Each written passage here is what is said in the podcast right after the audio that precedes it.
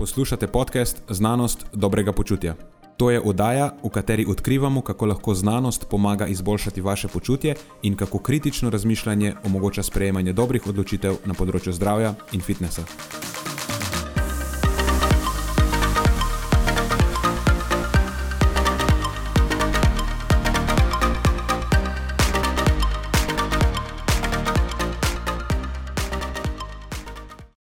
Pozdravljeni, z vami smo Nenad in moja sovoditelja Marijo in Matjaš. Tokrat v rubriki Feel Good aktualnosti predstavimo zanimiv primer iz naše prakse prehranskega coachinga. Pod aktualnostmi v fitness industriji pa debatiramo o našem pogledu na odnos širše javnosti do fitness industrije ter o tem, kako to predstavo oblikujejo in vodijo predvsem influencerji in znani osebni trenerji oziroma tako imenovani prehranski svetovalci. Na koncu pa predstavimo še vprašanje izpostavljanja napak, pošiljanja ljudi v našo tako imenovano norišnico, ter kaj s tem sploh poskušamo doseči, in kakšni so kriteriji, ki jih nekdo mora zadovoljiti, da bi na koncu dejansko pristal v norišnici. Mi tega vsekakor ne jemljemo zlahka in to ni nekaj, kar počnemo radi. Tudi zato norišnica v tej epizodi ni dobila novega rezidenta.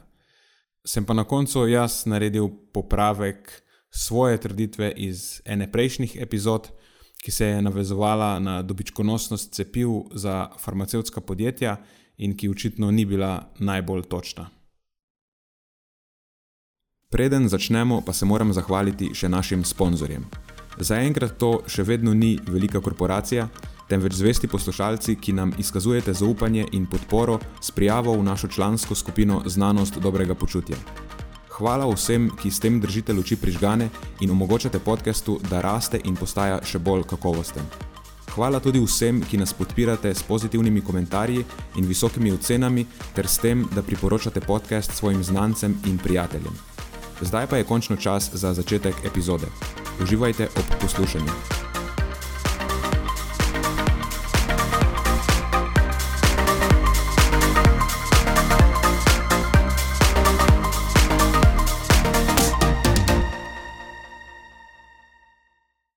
Prva rubrika aktualnosti pri Filgodu.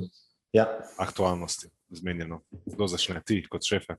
Ajde. Vidva sta rekla, da imata nek primer, ki bi ga rada izpostavila. Res je. Uh -huh. Res je. Uh, Mava en primer, a boš kar ti, Matjaš, prevzel? Ne, ne. ne. samo povedal bi, da je to mogoče, zdaj pa ne vem, boš ti popravil, Marijo. Mislim, da je bil pa to zdaj rekord, kar se tiče dolžine prvega sestanka. Ali se motim? Kako ti to rečeš, da to po moje Slabi dve, slabi dve uri, ura, ura 50, nekaj takega. Kako ti to rečeš, po moje? Da... E, malo marioizma, oziroma sestanek, sestanek na Marija. Ja, Marijo, da si naredil. Je naredila samo Marijo, ampak tako debelo, pošteno. Ampak rekla, je bilo tudi upravičen. No. Ampak je rekla, babica, rekla je babica, da smo full faci.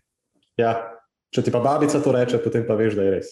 Si drugače, babice v Jomaju očitno rade, moja babica je isto rekla, da sta kul. Cool. Sam, tvoja, babi, sam tvoja babica je full faca, ne se to veš. Ja, absolutno. To je tudi res. To je tudi res. Ampak dobro, zdaj imamo babico. Dve babici, zbirata babice. to se bolj čudno sliši. To se res zelo zelo sliši. ja, jaz ne vem, kaj vi da mislite.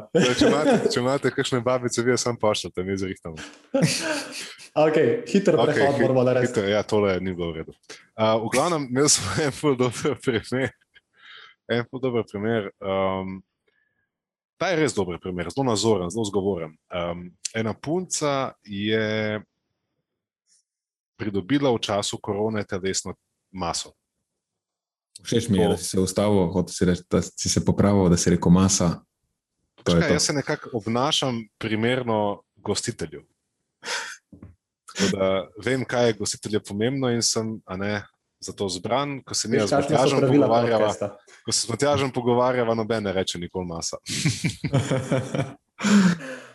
uh, no, in punca je pač uh, taka bolj tiha, sramežljiva. Postala je uh, vegetarijanka, zato ker se je zgledovala po svoji trenerki plesa, ki jo je precej navdušila nad tem načinom prehranjevanja.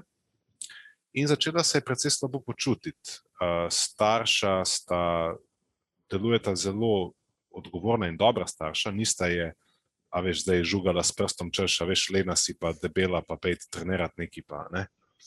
Ampak uh, sta iskala pomoč in sta najprej iskala pomoč pri, če se ne motim, pri nekem drugem prehranskem svetovalcu, svetovalki. Uh, in od tukaj je oče potem nekako izgubil zaupanje v našo stroko, zato je že prvič na sestanek prišel tako precej.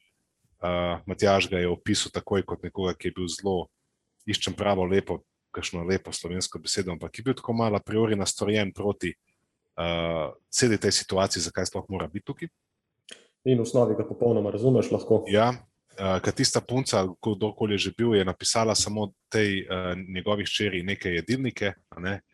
z nekimi jedmi, ki so, tu, ki so bile tuje tako za njo, kot za njih, in tiste skratka ni dobro obneslo. Potem so šli, ker se ta stvar ni popravila, k zdravnici.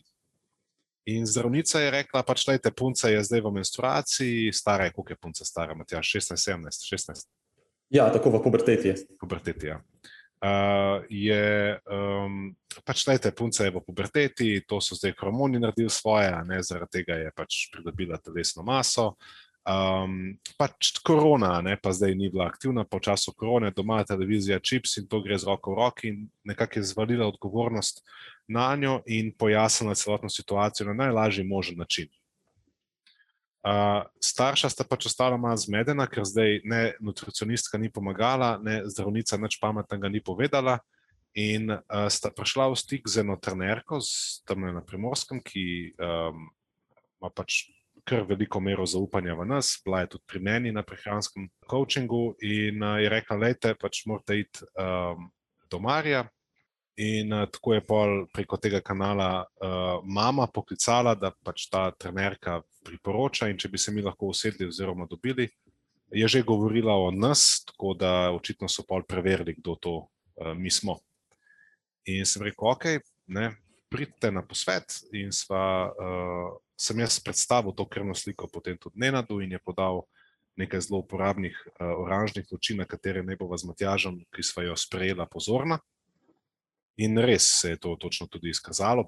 Um, in ko sva jo tudi videla, ko sva se pogovarjala z njo, sva z Matjažem posumila na um, PCOS.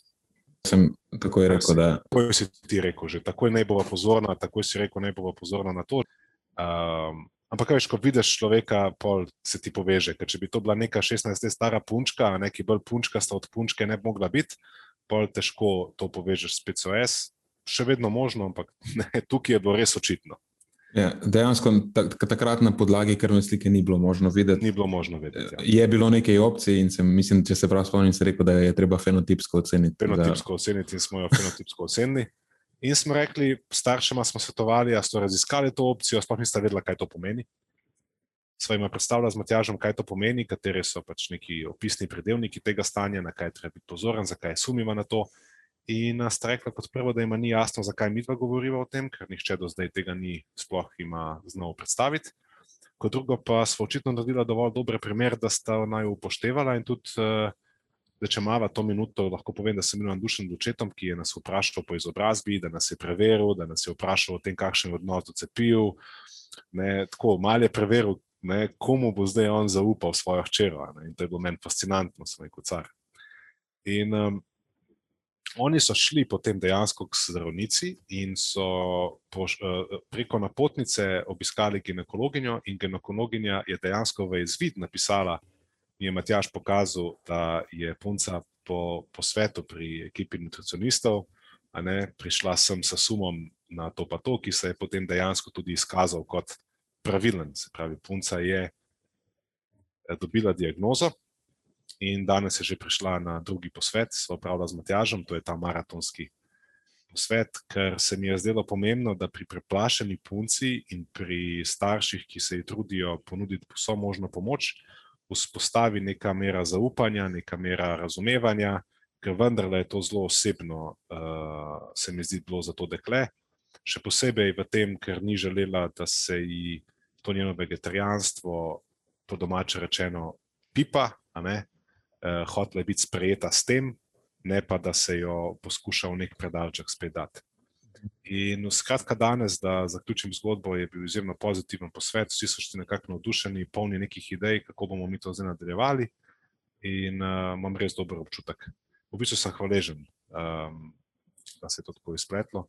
Na nek način smo se pa tudi z Matjažem pogovarjali, kako, to, kako se to lahko zgodi, da v sistemu, kjer imaš ne, um, in zdravnika, in, in so podporo tukaj, da smo mi tisti, ki potem um, nekaj precej očitnega. Vse, kar je bilo potrebno, je postaviti dve, tri vprašanja, in, in ne, se že vidi. Ja, nimam tudi jaz ne dobrega odgovora na to. Sploh, ker samo na podlagi tiste krvne slike je bilo, bile so tri opcije na voljo, dejansko. In ta je bila precej tako, vsem. Ja, tako da že samo na podlagi tistega papirja se mi je zdelo tri opcije na mizo, ki se bodo najverjetneje izkazale. Pa jaz sploh nisem videl punce. Pa so vse. Ne? Ja, uh, mene čudi, me, vse to je. Ja, ne vem, sploh kaj naj rečem. Pač je, ne vem, kako že zdravnica ni na to pomislila. Punca je bila pa izjemno anemična, se je videlo, komu je kaj spravila ven iz sebe, ni imela nobene življenjske energije, ampak to je lahko povežemo ne, tudi z tako nizkim, tako visokim pomankanjem železa. Um, Spomnil me je ta zgodba, sem rekel, Matjaž, na punco pred leti, ne pet let nazaj, sem imel prvič to situacijo, nisem še nekaj veliko vedel o PCOS. Ampak spomnim se, da je bila ta punca takrat uh, zelo strani okolice in bližnje in širše uh, na udaru. Um, ne pod tem nekim imperativom osebne odgovornosti, če se prenažiraš, se ješ, ne priznaš si. Prvo je, moraš si priznati, da se prenažiraš. A pač ni se prenažirala, samo imela je ful težave uh, z pridobivanjem telesne mase, in uh, kasneje se je izkazalo, da je imela pač diagnozo. In uh, od tiste točke dalje je bilo potem tudi njej, spomnim se, kako je bilo čustveno težko, kaj je pogledala za nazaj, a ne kako je v bistvu nekaj let trajala ta ne, ta prst uč, ne, ti si kriva, ti si kriva, ti si kriva, ko v bistvu se pa borila z njimi na veter in nihče jim ni znal povedati. Um, pa bi si predstavljal, da v tem času do danes je diagnostika napredovala, pa se še vedno očitno pojavljajo ti problemi. In uh, sem bil nek, na nek način bil vesel, da tokrat pa sem tudi jaz, oziroma mi, da imamo neko možnost skupaj prepoznati še take primere, ki bi sicer lahko ostali spet podvrženi taki neki negativni izkušnji. Da, da potem referiramo naprej. Da lahko referiramo dalje. Ja. Mhm. Ja, tukaj jaz vidim izjemno vrednost v tem, in želim si, da bi, da, bi lahko, da bi obstajala v Sloveniji opcija, da se povežemo z zdravniki. Jaz izjemno doskrat referiram ven in pač rečem, da se sam veš. Ko, Neke stvari je potrebno najprej izključiti, da potem lahko učinkovito rešujemo težavo. In dejansko, doskrat rečem, pač, glej, k temu pa k temu k zdravniku pojdi, da izključimo to prej, ker drugače nima smisla, da jaz tukaj tipam, v temi tavam, eh, da 300 različnih stvari probava, veliko bolj zamudna bo stvar. Eh, zadeva je črna škatlica, ne veva, s čim delava, sploh če je ne, nek, nek tak underlying, ko je to spodaj ležeč razlog. Pa lahko imajo neke stvari, ki jih bo spremenila čist drug učinek, ki bi jih imeli, imeli sicer. In je potem nekako fajn bi bilo imeti eh, zdravnika, s katerim sodeluješ, da se lahko obrneš eh, na njega, da lahko referiraš direktno. Da je, veš, da je za tvoje varovance dobro poskrbljeno, ker zdaj je mala loterija. Sicer imamo par zdravnikov, s katerimi smo si blizu, ampak ni to nič uradnega, pa jih probaš tja referirati, pa jim rečeš, povejte, da ste od nas. Ampak ni to to, no. Lepo bi bilo imeti neko navezo, uradno speljano, da bi lahko referiral ven, potem tja pa bi vedel točno, k kateremu zdravniku grejo, pa da bodo res dobili to, kar, si, kar potrebujejo. Zdaj, mogoče že malo se mi zdi, da z nekaterimi zdravniki, da smo zgradili nek, kako bi rekel, rapor, ne, se pravi, mm. da mhm. imamo, imamo nek zaupanje, obojestransko, odnos, ki temelji na obojestranskem zaupanju. Um, ampak v preteklosti se spomnim, ko je bilo tako, kaj pa ti tukaj delaš, ne? v smislu mm. tak nek pogled z, z viška, um, kot da jim ni prav. In opazil sem večkrat, da um, imamo težavo biti videni kot nekdo, ki lahko prispeva strokovno v celostni obravnavi posameznika, ampak smo pač samo neki tam priložnostno usmerjeni dobičkari, ne, ki kažejo svoje telesa in svoje delnike in recepte in shujševalne in detoks programe na socialnih medijih. In moram reči, da tukaj vidim ta point, vidim, da sami sebi v bistvu res ne delamo usluge, če kot industrija nastopamo um, na tak način, potem težko pričakujemo, da nas nekdo resno jemlje v neki strokovni debati. To je arhetip. Tam prej, ko si govoril, da je oče vprašal od te punce. Kakšno je vaše stališče, oziroma vajno stališče do cepiv. Sem eh, hotel te ustaviti in reči, da naj si to poslušalci anotirajo, ker bo to glavna tema, te, oziroma deloma bo glavna tema te epizode. Mhm. Kako nas dojema širša javnost, kakšen je arhetip trenerja in ne, kako obnašanje večine v naši industriji potem otežuje delo tudi v peščici, ki pravijo biti zelo korektni. Pred časom sem postavil hipotezo, da smo mi, predstavniki fitness industrije, se pravi trenerji in prehranski svetovalci, uh, imeli največji vpliv na to, kam se množica nagiba v tej temi v smislu odločitve. Uh, Govoriš, pa, da je o cepivih, o cepivih se pogovarjala ja, takrat. Ja, ja. Na to si se navezal. Ja. In uh, zdi se mi, da to drži. Uh, zdravniki nagovarjajo preko svojih praks, nimajo Instagramov, nimajo socialnih medijev, ne snimajo YouTube videov, večinoma, redki so takšni, ki to počno, mediji jih povzemajo. Druge tangentne prakse z industrijo zdravja niso tako vokalne, ne vem, fizioterapeuti in ne vem, ne, kondicijski trenerji, praviloma ne, se vzdržijo javnega komuniciranja o tem, ampak poglej, kdo je najglasnejši, kdo je tisti, ki je nek um, vsakodnevni, vsakodnevno eh, producira objave na to temo in deli objave in podpira svoje stališča. Ja, jaz sem največkrat naletel na predstavnike osebnih trenerjev, prehranskih svetovalcev in podobnih, ki uh, zasedajo neko stališče in potem ga res skoraj da zaverovano podpirajo večkrat dnevno, absolutno dosledno in um, nagovarjajo to ne samo preko svoje prakse, ampak tudi preko celotnega followinga, ki pa, če kdo pozna Instagram, ve, da se meri v deset tisočih. In če ti deset tisoč in deset, to noben zdravnik nima tazga followinga. Ne, noben strokovnjak na področju zdravja, noben virolog nima tazga followinga.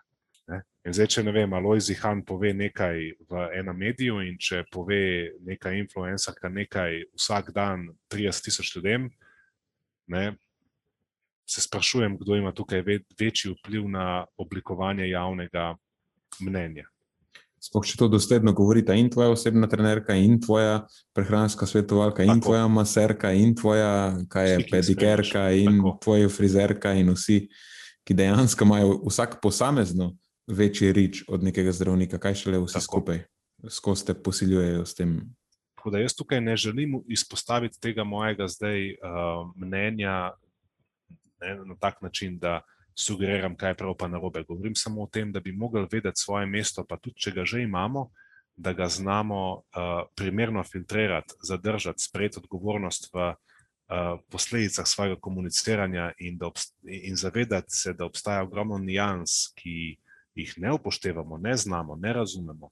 In da bi mogoče samo že iz tega spoštovanja in ponižnosti lahko um, količino in način svoje komunikacije omejili in prilagodili ne pomeni, da moramo spremenjati svoje stališča, ne pomeni, da moramo a, a, povzeti tuja in moja v končni fazi, ampak samo, ne, da sprejmemo to, a, to zavedanje, ne, kaj počnemo s tem. Ne. Izhaja sicer iz mene ta potreba, da to nagovarjam ljudem, ampak posledice pa so verjetno nepredstavljive. Kaj jaz realno nimam nobenega problema s tem, da ima nekdo stališče, ki ni enako mojemu. To, mislim, tem, mislim, ja. mislim, da doskrat smo nerazumljeni, ko se lotimo kakšne teme. Jaz nimam težave s tem, da nekdo misli drugače kot jaz.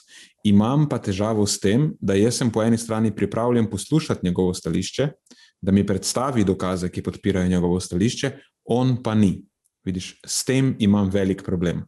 Ker jaz vedno pridem v debato pripra pripravljen, da spremenim svoje stališče. Res je, da včasih štartam uh, močno ali pa z, nek, z, z trdnim stališčem, rad imamo pregovor. Strong opinions held loosely, torej mej trdna prepričanja, ki jih držiš na lahko, in mogoče potem izpade, da uh, štartam na grobo, ampak vedno sem pripravljen spremeniti stališče. Jaz ne verjamem, da imam prav že v štartu. Ampak to me dejansko potrdim, zanima. To lahko potrdim iz. iz ja. Sem lahko karakter witness. Ja, lahko si, seveda. Okay. Če glih malo si pristranska, ampak v redu.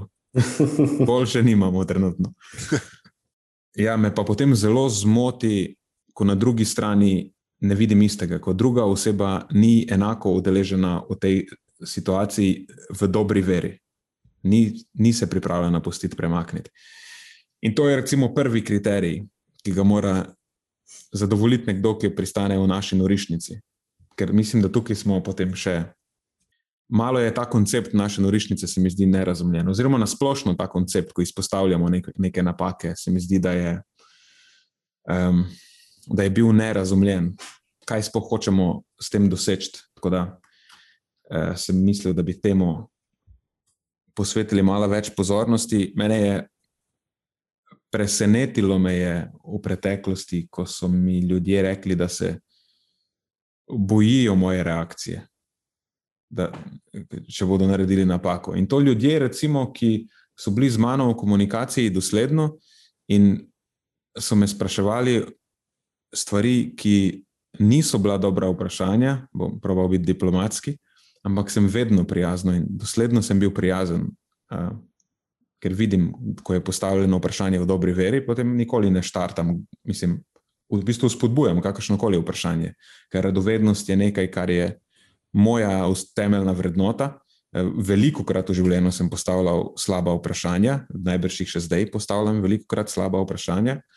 Ampak se mi zdi ključno, da se vprašanja postavljajo. Tako da, ko prepoznam to v osebi na drugi strani, da je radovedna, da jo zanima resnica, da jo zanima moje mnenje, moja pozicija, ker ne veva, če je moja pozicija prava, ampak se mi zdi, da je moja pozicija isto tako vredna konsideracije kot njena pozicija. In da nekako, ko vidim to, eh, da je nekdo pripravljen, da skupaj prideva do tega, kar je prav, ali je to bliže njegovemu ali mojemu mnenju, je v bistvu nerelevantno, potem to pozdravljam. In nisem nikoli, mislim, da vedno dobro odreagiram. No, ampak te iste osebe, s katerimi sem demonstriral, sem jim, da sem v bistvu zelo prijazna oseba, ko pridejo v dobri veri, uh, so mi potem enkrat, sem slučajno preletel njihove storije, ker so mi prej poslali nekaj, kar je na Instagramu, kar je bilo del neke serije, pa sem potem seveda pogledal še ostale, ker me je zanimalo njihova pozicija. In potem dobim čez deset minut nazaj v inbox, joj, prosim, ne gledati mojih storijev, ker se bojim, da sem naredila neko napako. In, in me je tako prav se zulo, me je. Očakaj, kaj? Zakaj je zdaj problem, če jaz ugotovim, da si naredila napako? Kaj, kaj pa misliš, da se bo zgodilo? Pa najprej te bom itak vprašal, zakaj se tvoje stališče razlikuje od mojega. In potem valjda itek razmišljaš, zakaj ljudje na, na tebe tako odreagirajo. Ker najboljši možen odziv bi bil, o, pogledal si moje storije, kaj misliš, a sem se kje zmotila. Ne, to bi jaz naredil. kaj misliš, a, a se kje motim? Ker a ni super, če nekdo drug, za katerega predvidevaš, da ve nekaj o tej temi, pogleda tvoje storije, ugotovi, kje se motiš, ti pove, da on ima drugačno stališče, potem najdete, zakaj se vajni pogledi razlikujejo, kje je zdaj tukaj kratek stik, odpravite ta kratek stik in zdaj ste skupaj bliže resnici. To, to je idealen scenarij.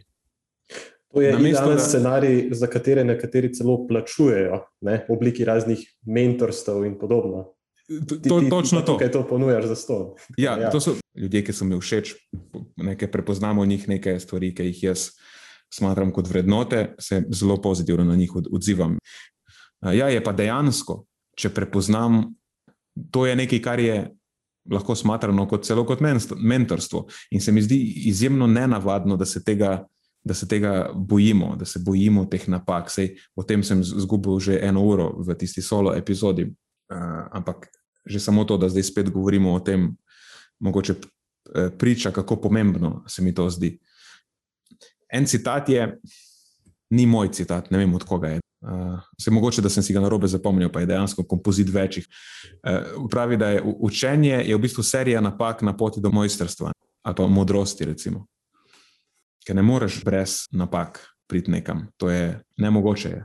Ampak, če potem namenoma zanemarjaš signale, ki te na, na opozarjajo, da si nekaj naredil na robe, te, te signale bi bili napake, ki jih narediš, ali pa zmote, ki so v tebi prepoznane, pa potem to konstantno pometaš pod preprogo, Jaz bi upal staviti, da se nikoli ničesar ne naučiš, ne, ne moreš eh, napredovati. Ne moreš se učiti, brez da analiziraš napake in ugotavljaš, zakaj je prišlo do njih. In če ti lahko nekdo ponudi pri tem pomoč, potem je to super. In dejansko, da narediš napako, je torej predpogoj, da se nekaj naučiš. In to je zdaj tista, učimo se na napakah. Ne. To ni floskola, to je statement of the fact, to je dejstvo. No, in zdaj, kje so kriteriji za to, da nekdo vstopi v norišnico? A ja, na redu uvod, zdaj je uvod, ja. še zaključek. Ja, definitivno, ja, prva stvar, ki jo moramo povedati, je ta. Ne. Definitivno ni kriterij za vstop v norišnico to, da delaš napake. To, da si se zmotil pri nečem, ali pa da tvoja pozicija ni taka kot moja, absolutno ni kriterij za to. To nima nobene veze s tem, ali je bil nekdo sprejet v norišnico ali nekdo ni bil uh, sprejet v norišnico. Torej, ljudje, ki pridejo v našo norišnico, ali pa ljudje, ki jih, tako grdo rečeno, prebijemo na križ ali pa izpostavimo jih javno, niso ljudje, ki delajo napake. To ni kriterij. Ne? Enostavno ni. Ker če bi bil to kriterij, potem ne bom rekel zavajam, ampak jaz bi bil potem že zaklenjen zdavnej v najglobji kleti te norišnice, ne bi me noben več spustil ven nikoli. Ker če se navežem na tisti pregovor, moje življenje je serija napak in to precej katastrofalnih napak. Na srečo, pa sem ponosen na to dejstvo, sem se na teh napakah dosledno učil in spremenjal svoje pozicije. In tudi točno vem artikulirati, kje je bila napaka, kaj sem se naučil, zakaj sem jo naredil, tako zelo analitično znam povedati. Lahko bi knjigo napisal.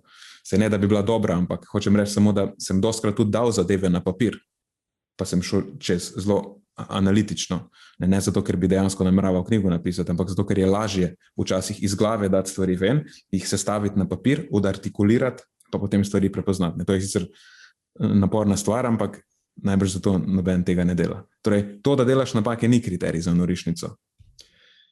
Prvi kriterij je to, da se nisi pripravljen pogovarjati o možnosti, da si naredil napako ali pa da se motiš. Torej, da v tej interakciji ne sodeluješ v dobri veri. To je prvi predpogoj na, na, na to jaz postanem pozoren. Potem opozoriš nas na to, da mogoče si kandidat za norišnico.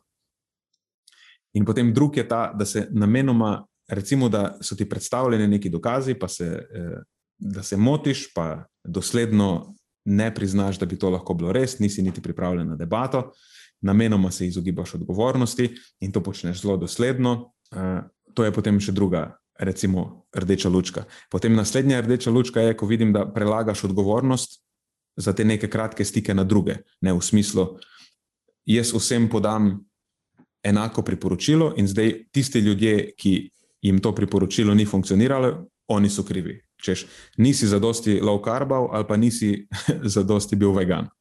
Če dam primer obeh, ki so trenutno v narišnici in dos, samo prelagaš odgovornost. Niti slučajno ni možnosti, da je s tvojim pristopom karkoli narobe, ali pa ne kažeš znakov, da bi bil pripravljen to uh, spremeniti. Evo, zdaj že tri lučke gorijo, pa še zmeraj nisi v norišnici dejansko. Tako da vidimo, da imaš kar nekaj lufta, moraš se res potruditi, če hočeš priti noter. In potem je, mi mogoče na te pozabimo, ampak dosledno se pojavljaš v, na, pojavljaš v našem feedu, in potem mogoče se kdo od nas spomni, da ti spet pošle privatno sporočilo, pa te še enkrat vpraša. Hm, Zakaj pa se tvoje stališče razlikuje od mojega? Bi, bi zdaj ti mogoče po ne vem, tolkem času pripravljen spet malo predebatirati, ker me res zanima, zakaj jaz mislim drugače kot ti. Ne, lahko se jaz motim. Sej. Mogoče v prejšnji priložnosti nisem prepoznal svoje zmote, pa lej, bom probal še enkrat. Nikoli ne veš. Doskrat v življenju se mi je zgodilo, da sem bil na neki točki v neki prepričan, pa je trajalo čas, da spremenim svoje stališče. Ne? In potem spet vidim, da nisi pripravljen sodelovati v dobri veri, in spet prelagaš odgovornost, ne, in to počneš dosledno, in potem te sprejmemo v narišnico. Tako da res je proces, no, moraš se strašno potruditi. Tud, uh, dodal bi mogoče, pa boš ti povedal, če ne, bi temu pripisal nek pomen, da je tudi um, posledice uh, določenih praks, se pravi, koliko so lahko problematične te posledice in uh, zdravstveno ogrožajoče za tiste, ki jih tak posameznik nagovarja, to je nekaj, kar ponavadi upoštevamo. Pravi, če se jaz zdaj z nekom ne strinjam o neki malenkosti, ki je strokovne narave in v večji sliki nima ne, nekega vpliva na zdrave ljudi. Lej, ne, ja, to itak ne bom spoh registriral. To, pač... skrat so ljudje trdi tudi pri takih stvarih. Upičeni so v neko hipotezo, da nekaj poteka na nek način. In v redu, da je to, ali pa neko dopolnilo, ali pa nekaj tasga, v redu, to ni nek povod. Ampak če pa ti ne, dejansko imaš nekaj izjemno radikalna stališča, ki so povsem v nasprotju z uh, znanstvenimi konsenzi na področju prehrane. In kljub temu, da si jim predstavljen, še kar naprej zagovarjaš svojo pozicijo, ker je mogoče marketing zgrajen okoli nje, celoten, celoten tvoj following je zgrajen okoli nje, če zgubiš to. O čemer govoriš zadnjih nekaj let, zgubiš del sebe, zgubiš del identitete. Kaj bo ljudje pač rekli, ki te spremljajo, da zdaj spremeniš ploščo. Ne, ne, ne znaš se iz tega ven izvid in potem pač slepo ustrajaš. Jaz razumem to dilemo, jaz razumem, da če bi ne, zdaj prišlo do takšnega spoznanja, ampak to so ljudje, ki praviloma živijo v paralelnem svetu oziroma v neki paralelni realnosti, kjer dejansko so pripravljeni zignorirati vse, kar ni tisto, v kar verjamejo. In verjamejo je tukaj kar prava beseda, ker drugače, kot pa da verjameš, ne moreš, ne, ker racionalno imaš vse indikatorje, da to, kar počneš, ni ok. Uh, In to sem želel samo dodati. Absolutno, to igra teža dokazov veliko vlogo. Ko ti imaš neko stvar, ki je potencialno zelo škodljiva, pomeni, da bo prej izrazila svoj učinek, da bo moč tega učinka večja. In to je nekaj, kar se v znanstvenih raziskavah zelo hitro pokaže in kar se zelo dosledno kaže. Torej, če ti delaš neko prakso, ki je škodljiva za ljudi, pa jim povzroča veliko škode, potem skoraj siguren sem, da imamo precej dokazov na tem področju, na podlagi katerih jaz lahko sklepam, da je moje stališče pravilno, njegovo pa ne. In potem, če jaz pridem v to debato z vsemi temi dokazi in rečem, hm, vidiš, to so vsi ti dokazi, ki jih je izjemno dosti, ki podpirajo moje stališče, ampak mene še zmeraj zanima, zakaj je tvoje stališče drugačno. Skrbi me tudi, ker na podlagi uh, teh dokazov in moje, mojega stališča uh, bi lahko to, kar ti delaš, povzročilo veliko škode ljudem. Probal sem najti dokaze za nasprotno stališče, ampak mi jih ne uspe najti. A mi lahko ti predstaviš svoje dokaze, preden nadaljuješ delati škodo vsem tem ljudem. Če, če nekdo pač ne odreagira dobro na to, kaj mi potem ostane drugega, kot da ga ali zabijem na križ ali ga pošljem v norišnico. Ne, ker sprejemanje ljudi v našo norišnico ni nekaj, s čimer zdaj mi kar opletamo okoli. Pa. We do not take this lightly, ne vzamemo tega zlahka. To je proces, ki je recimo v prvi sezoni trajal eno leto, preden je bila prva oseba sprejeta v norišnico. Tudi ne veselimo se tega, ni, temu ni to nek ego trip zdaj, uh, ki pač vsak, vsakič nam je malo žalostno, nam je malo žalostno, ko se moramo o tem pogovarjati. Se to smo že zadnjič smo že to rekli. Ne? Da absolutno to ni nekaj, kar si mi želimo. Ni, to gre kontra vsemu, da se nas ljudje bojijo, to je nam v škodo. Nič od tega nimamo in tudi ni nekaj, kar si, česar si mi želimo. In tudi iz tega razloga sem nehal objavljati storije, nehal sem izpostavljati ljudi poimensko ali pa primere poimensko. Eh, kljub temu, da je zajeten del publike očitno pri tem užival, sodeč po njihovih feedbackih. Ampak enostavno sem dobil občutek, ne, pač zanemaril sem nažalost feedback publike, ampak ker sem pri sebi dobil občutek, da to nima želenega učinka, v bistvu, da je očitno kontraproduktivno, sem pač nehal ker namen ni sramotiti ljudi, namen je bil upozoriti na potencijalne napake, pa zmote pri ljudeh, ki se drugače niso odzvali kot to, da jih pač javno izzovem. Pač pa uspodbuditi potem neko kritično razmišljanje pri vseh ostalih, ki to spremljajo. Ne vem, samo se mi je zdelo, da ima potem to več minusov kot plusov, in sem pač eh, nehal. Ker očitno se ljudje odzovejo eh, zelo defenzivno. Mislim, najprej te sploh ne upoštevajo, potem pa, ko jih izpostaviš, se odzovejo defenzivno. Um, Zaenkrat ne vidim rešitve. Vidim samo, da se bojijo napak, uh, bojijo se, da bi bili percebirani, kot da se motijo.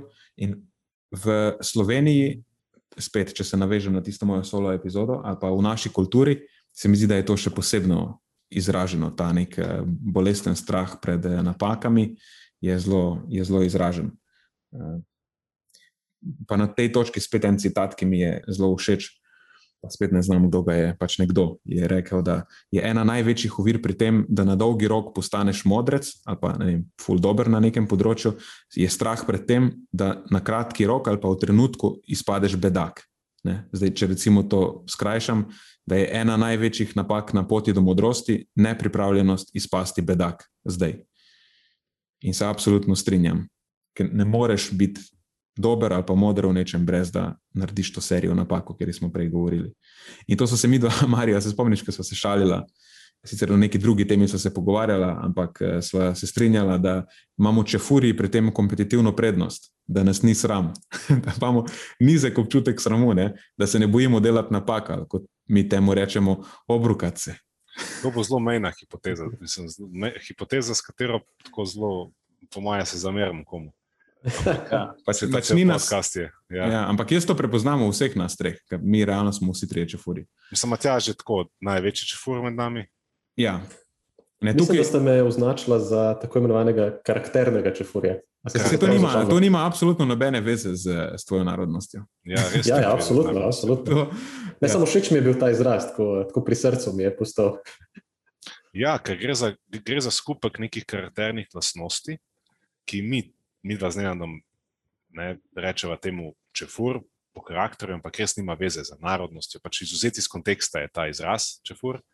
Gre pa za karakterne lastnosti, ki, kot je Nenad rekel, imajo opraviti s tem, da tak posameznik ni mu tako mar, kaj si ljudje mislijo o njemu.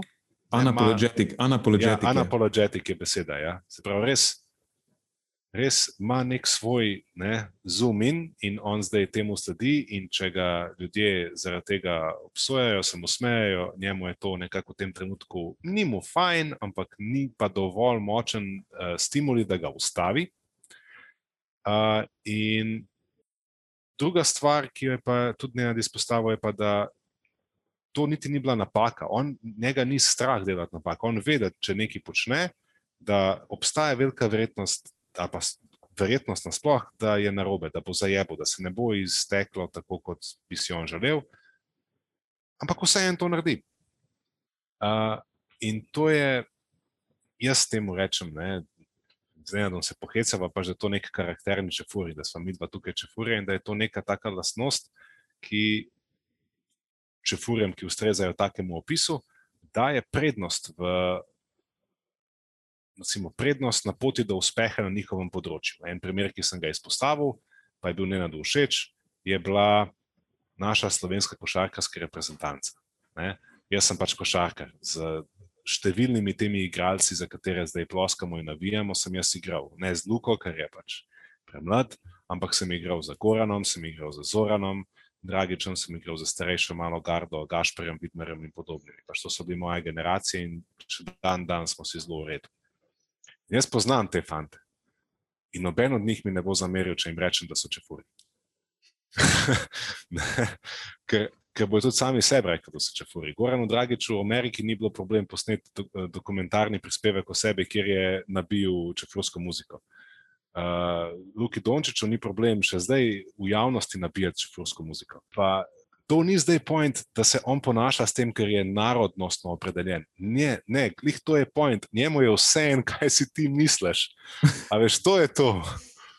to je, to je to, kar je ne, meni fascinantno. In ta neka zgodba, ki se je začela na Evropskem prvenstvu, um, dva, uh, je bilo par let nazaj, ko so slovenska reprezentanca, ki je usvojila naslov, to je bilo preso, prisotno vse preko cel, celotne reprezentance. Oni so imeli notranjo, notranji dogovor, oni so vedeli, kaj delajo, ni imelo vse en, kaj si drugi mislijo o njih. Oni so pač nastopali z te pozicije, da ne, delamo napake, učimo se od njih, učimo se od porazov, učimo se iz nasprotnikov, uh, kovnemo, poslušamo tako musko, obnašamo se na družbeno nespremljiv način, ampak nam je v bistvu vse en. Se poglej jih zdaj, jih poglej. In poglej jih zdaj, tam ne Igramo ping-pong, pijemo vodko. Pijemo vodko in, in, in, in, in, in kadimo tam le vodno pipo in se snemamo na Instagramu in zmagujemo za 30 pik. In vse en je. In mislim, da je to en tak zelo, jaz če se spomnim sebe v štartu, 18-19 let sem bil star. Jaz sem kot si ti rekel, delal katastrofalne napake in sem jih priznal. Pač, pa spadal sem na Herbalife, pa sem tam hodil z onimi Herbalife-ovci okoli, pa sem nabiral številke. A je to bruka? Pa bruka totalna, meni je bila totalna bruka. Ampak sem, zato ker sem rekel, dajmo probat, kaj, a veš, tukaj je cash. Pa, hodil sem okoli, pa sem pač promoviral sebe, svoje storitve, to, kar poskušam delati. To je cel point mojega bloga, Good v štartu je bil, da imamo predstaviti svetu moj način razmišljanja, kako mi pristopamo k reševanju problemov modernega načina življenja. Ne? Ja, a smo tarča kritik, vedno večja. Ne? Ampak ne, mislim, da en del tega moraš imeti. Ne? En, ne, ko smo opisali ta karakterni čefur, ne, ima veliko prednost. Ne pravim, da v individualnih športih je ogromno nekih razlik karakternih, ki so povsem drugačni, pa uspešni. Ne me prosim na robe razumeti. Samo razmišljam o tem, da sta ti dve lastnosti, ki jo je Neand izpostavil, um, rečete ima kukračte, ampak skoraj, da ne rečem predpogoj, ampak zelo, zelo pomembni za, za nek uspeh na katerem koli področju že. Mi dva smo takrat še eno naknadno hipotezo postavili. Uh mhm. -huh. Oziroma, to mogoče niti ni hipoteza, zdaj se to, je, to se lahko mi odločimo, to je v naši domeni. Da, če hočeš postati del ekipe Filgut, je skoraj predpogoj, da si čefur. Pa spet, to se ne nanaša na narodnost, ker Matjaž Macuh je tako, nima kaplje balkanske krvi. Da vam povem eno zabavno zgodbo. Um, mislim, da je bil za moj 16. rojstni dan, sem celo dobil torto od svojega kolega Alena, ki je sicer. Um, skakalec v višino iz Zagreba. In je gor pisalo, Matjaš, pravo slovensko ime. da, ja, mislim, mislim, da to nekako opisuje po ja. celoti. To. Gre se samo za to, da si proaktiven, da, si, da vidim, da si upaš narediti napako, da probaš narediti nekaj, tudi če veš, da obstaja velika verjetnost, da ti spodleti, da si, uh, ja, da si v bistvu pogumen v tem da si upaš narediti napako, pa da si radoveden, da si pripravljen, da jo narediš. Tud, ta neka tud... samoinicijativnost je tukaj. Ja. Jaz se spomnim, še ko smo mi dva začela skupaj sodelovati, um, mi je bilo fascinantno. Jaz sem, jaz sem pogledal samo eno smer, da bi bilo treba biti nekaj narejeno. Ti si meni že rekel, da, da, da si to že zrihtel. Nisem ti še sploh rekel, da bi nekaj bilo dobro narediti, ti si že zrihtel. Isto pa Matjažu. Rekel sem zadnjič na eni stranki, ki je šel Matjaž, nekam niti ni slišal. Pa jaz, jaz še pomislim, da ta tip že naredi. To, to je nekaj neverjetnega. To je danes tako, kot da dragul vidiš sred ceste. To se ne zgodi. Ne zgodi se taka mera samoinicijativnosti. In ko imamo ta mentorstva, ko imamo ljudi, ljudi, ljudi mlajše kadar, ki pride k nam, ne na to boleva, ker sem pač to delegiral, ne je on prevzel to. Uh, ne, oboleva, ker pač vse moraš s prstom pokazati. Vsak bi bil del ekipe, ker smo fajn, ne, očitno, na nek način mu, da je tu, ampak ne, vse se nekako čaka, da ne vem, kaj bi, mogoče bi to, mogoče bi tisto, mogoče dajte mi vi povedati. Ne, ne. ne, ne gre tako. Nenad je dobesedno vzel bager in je oblikoval svoj teren znotraj tega podjetja. In Matjaž je prišel in je naredil isto. Noben mu ni povedal, kaj ne on naredi. In fora je, da jaz nisem vedel, če bo prav. Jaz sem vedel, da stvar mora biti narejena in sem rekel, pač le, jaz bom naredil, kot jaz mislim, da je prav. Zdaj, če bo narobe, pa bo rekel, kaj je narobe, bomo naredili tako. Jaz, lahko je prav, lahko ni. Dajmo, dajmo probat nekaj narediti. Tako. In če ti se bojiš narediti napako, potem itak vedno čakaš, da ti nekdo naroči točno, kaj moraš narediti. Ne? Ampak to ni nekaj, kar pri Filgudu rabimo. Rabimo ljudi, ki so pripravljeni narediti napako, pripravljeni narediti nekaj, tudi če to ni mogoče, celo to je lahko zelo v prednost nam, ker tudi mi se lahko motimo. In pol, če nekdo nekaj naredi, kar ni bilo. Kar spoh mi nismo mislili, da bi lahko bilo narejeno na tak način, pa je potem boljše od tega, kar smo mi mislili, da bi bilo najboljše. To si mi želimo. Ne? Ker zdaj, če, je, če bo nekdo izvajalec delal samo to, kar mu jaz rečem, pa tako kot jaz mislim, da je prav, Mm, ne, meni se to ne zdi idealno. Jaz bi rad, da nekdo nekaj naredi po svoje, mogoče drugače, kot jaz to naredim, da se lahko še jaz nekaj naučim od tega. To je tisto, kar ta samoinicijativnost, pa uh, ta, uh, tak unapologetic pristop prinese. To je treba biti narejeno in narediti, kot misliš, da je prav. In pol bomo videli, je prav ali ni prav. Ja. Tudi eno je delanje napak, eno je ponavljanje napak. Če bomo, teža, če bomo z napakami, kakšno težavo je to, klik, da se jih pretirano ponavlja. Uh, tako da to je nekaj, kar um, doskrat tudi malo zamešamo. Aha, se delati napake je dobro, pa, pa pa če eno isto delaš to sken, da si zaštekel na neki točki. In potem ne, tukaj zdaj ti iščeš svoj prostor, češ jaz se je pač normalno delati napake, nisem popoln in cel kup drugih racionalizacij vezanih na to. Pravi, pač, hotel sem sem prikazati drugo plat tega konca, ja. nič drugega nisem imel. To je zelo dober point. To, samo to, da narediš napako, ni nič posebenega. Važno je, kako se na njo odzoveš. Se, mislim, da nam je to uspelo približati, vsaj upam. Mhm. Ne? Da to, da ne narediš napako, ni kriterij za nič. Važno je tvoj odziv na to napako. To je potem tisto, kar te pripelje v hišo dobrih ali pa v norišnico. To, kako se na situacijo odzoveš, tvoj odziv ne situacija, v kateri si. Ja. Ker, valjda, če si na začetku, potem si v relativno slabi situaciji. In če te nekdo obsoja zaradi relativno slabe situacije, iz katerih štartaš, pol je sem bombar. Me prav zanima, kakšen bo odziv tistih, ki to poslušajo na to našo hipotezo o, o prednosti čefurske mentalitete. ja. Ampak to res nič slabega ne, ne, ni mišljeno tukaj. Res. In prav nič nacionalističnega. Eh, čisto mimo tega je, eh, je beseda. Čeprav vem, da je ta beseda ima tak ne, naboj, ne, da je uporabljena za vse kaj drugega, ampak tukaj mislim, da smo uspeli pojasniti, da ni bil to namen. Mm -hmm. Pa jaz mislim, da smo mi kar obdelali to. Ja, všeč mi je bilo, kako smo razdelili to uh, norišnico, da se upam, da se bo lahko na to epizodo referiralo kot tudi v prihodnosti, če se kdaj zamegli ta meja, kakšni so kriteriji, da ne do tega pride, ker to je nekaj, kar sem tudi jaz, kot si ti rekel, ne naletel, uh, da obstaja nek strah, ne ušit, ne, kaj bojo oni rekli, kaj bo on rekel, pač ne bomo mi zdaj pokritizirali vse. Kada je to nekaj, kar nas driva, kar nas bolj motivira, da bi samo hodimo okoli, gledamo in kritiziramo ljudi. Uh, in razumem tudi ta tvoj tudi spremembo načina komunikacije na Instagramu, da uh, ne izpostavljaš več posamezno, uh, oseb in to se tudi jaz trudim. Če pa že, uh, pa vedno poskušamo narediti to na način, da poskusi postaviti informacijo v bolj primeren kontekst in se povsem ogne tistemu, ki je to um, nekako dal ven. Ne.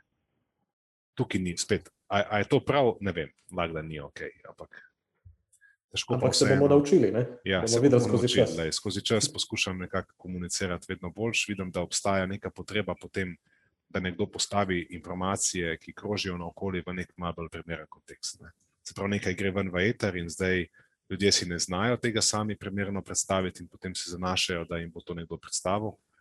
Um, in ja, lahko se temu izogneš, ker je pač ja, touchy subject, lahko se komu zameraš lahko to nagovoriš, ampak mislim, da imamo to kanalov, kjer lahko to počnemo. Da, um, hvala Bogu, da se lahko izognemo temu osebnemu obračunavanju. Ker večkrat se je že izkazalo, da to res, eh, kdaj se spomni ta fanta, da smo uh, na spoštljiv način komu prikazali, mora biti naduknje v njihovem uh, stališču, in da se je odzval z, na tak način, kot bi se recimo mi odzvali v smislu, šit, nisem nikoli pomislil na to, to je dober point, bom preveril. Uh, ali pa da se je odzval nazaj, da sem se zanašal na to, pa to literaturo. Še ni bilo nikoli nobene, uh, vedno so zelo... samo čustveni odzivi. Um, zelo redko. Mislim, to so ljudje. Nabor teh ljudi je omejen na ljudi, ki so bili, oziroma je omejen na ta ozorec, ki so bili gosti na podkastu. Ja, če enoma. Pa še kaj bi našli izjeme, da je bil zdaj pomežik ne za tiste, ki ne vedo. Ampak on ve, kaj mislim. Ja, ne bom komentiral za enkrat. Jaz imam še zmer upanje. Ja, to pa, to pa, če imamo kaj, imamo upanje. Ja. Evo, to lahko povem. Zadnjič sem se naučil to v sebi. Da jaz sploh nisem cinik, jaz sem izjemno uh, pozitivno naravnan, jaz sem strašen optimist. To meni nikoli ni bilo jasno, ker si sebe predstavljal kot cinika. Ampak sem potem ugotovil, da je ta moj eh, nek, nek protivtež, ta moj cinizem je obrambni mehanizem, ki je razvit na, na ta strašen optimizem. Jaz očitno v ljudeh vidim vedno najboljše, štartam iz najboljše pozicije. In ker se mi je to že odležno. Ja, in ker se mi je to, bil sem že recimo, da razočaran toliko krat, je potem ta cinizem razvit kot obrambni mehanizem na ta velik optimizem sem se zadnjič naučil, ko sem se pogovarjal o tem. Ni mi bilo jasno, zakaj do nekih oseb, ki so me že petkrat razočarale, še zmeraj gojim nenavadno naklonjenost.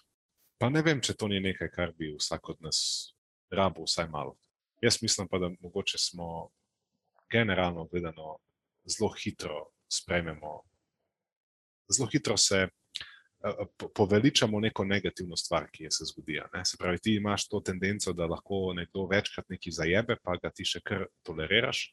Zdi se mi pa, da kot družba smo dosti netolerantni in že ena stvar je doskrat dost, da nekdo naredi, reče, ne, ali je pa vsaj vzeta iz konteksta, pa ga imamo že povsem opredeljenega, vse vemo o njemu. Lahko govorimo o njemu boljš kot njegova mama. Mm. Se mi zdi, da je to tudi ne, bi bilo mogoče fajn, da se včasih stopi korak nazaj in reče: Ne veš, ne, ne veš. Ne, čakaj, da se razvije neko vzorsko, nekdo res dosledno kvasi neumnosti. Ja, je to ne, samo tvoje mnenje, ali imaš dejansko dokaz? Takoj. Kako lahko imaš dokaz, da je to res bilo s to motivacijo narejeno? Če ti nekdo nekaj grdega naredi, a veš, kako zdaj veš, ali je to naredil namerno ali ni naredil namerno, lahko je bila nesreča. In zelo težko je potem dobiti dokaz, da je nekdo namerno ti nekaj slabega naredil. Ti je naredil nekaj slabega, tebi velika neposredno. Po nesreči. Ja. Po nesreči, ja. ti pa... si bil pač ujet tukaj vmes. In potem nima smisla pretirano zameriti.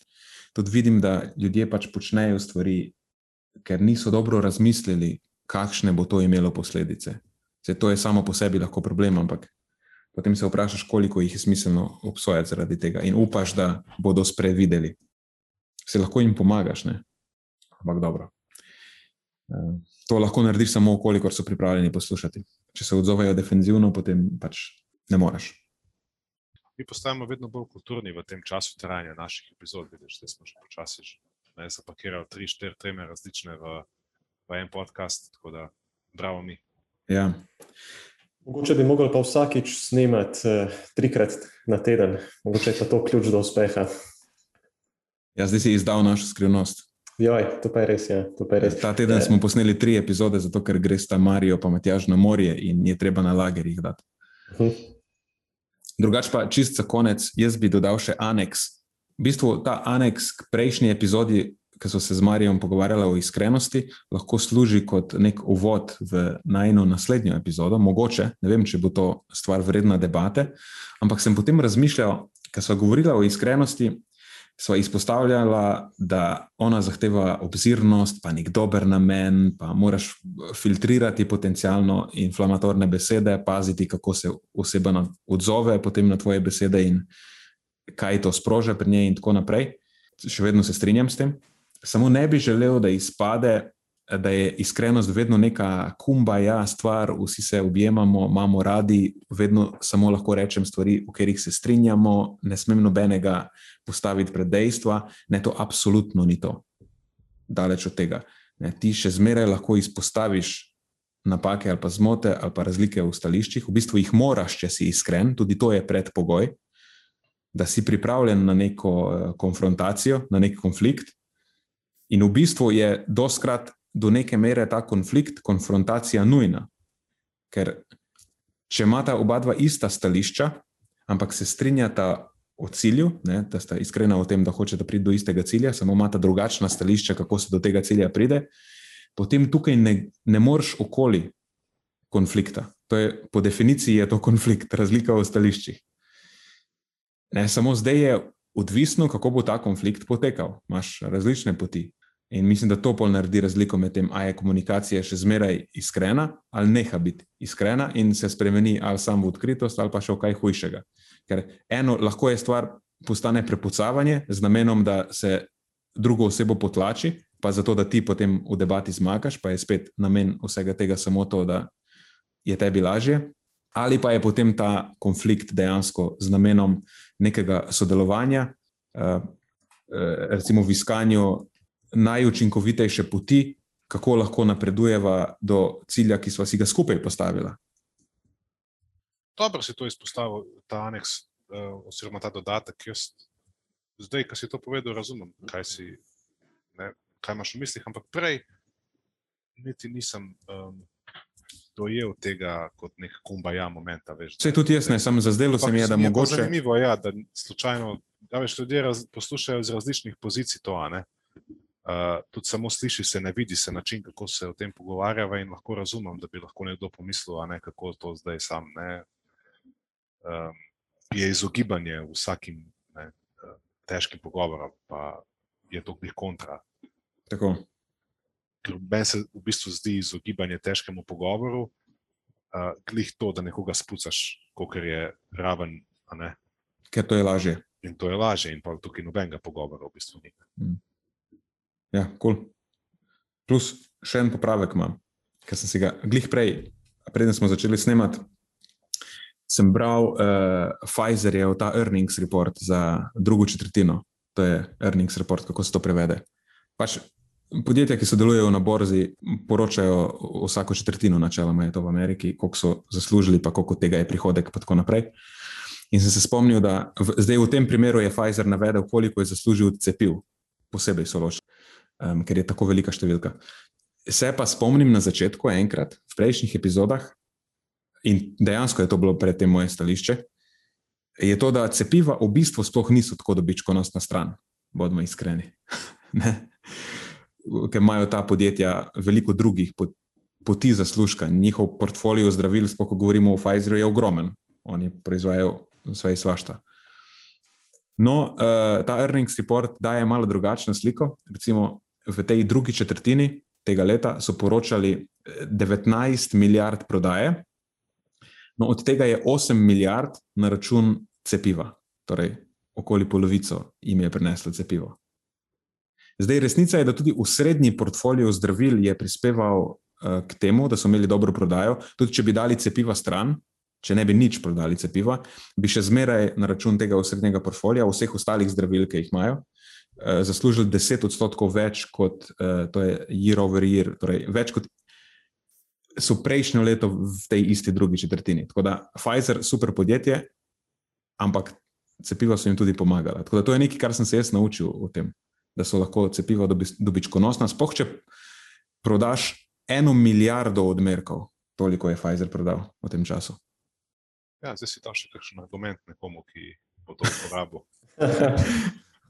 Odvisno, kako hočeš slišati. Mislim, to je spet odvisno, sej. Z namenom sem to. Ja, vse to je dejstvo, vse namenoma sem to umestil. Lahko slišiš, kako to hočeš slišati, odvisno od katere pozicije spet štartaš. Jaz štartam iz te pozicije, da je uh, SARS-CoV-2 nevaren virus in da je Pfizer dejansko zelo dosti prispeval k temu, da se stvar Eh, zavre, da se zadeva ustavi, ker to, da so oni uspeli v takem kratkem času sproducirati učinkovito cepivo, narediti milijardo dos, mislim, da je vredno več kot Škaj, ne, 8 milijard tukaj, dolarjev. Če hočem biti tukaj malo hodičev advokat, bi lahko tudi rekel, da je recimo neka trgovinska franšiza, da ima reč Merkato, Lidl, Hofer, izberi enega. Da je vem, v tem letu ali pa v lanskem letu za prodajo zelenjave zaslužil nekaj milijonov evrov. Ne? A ja, tukaj moram še to reči.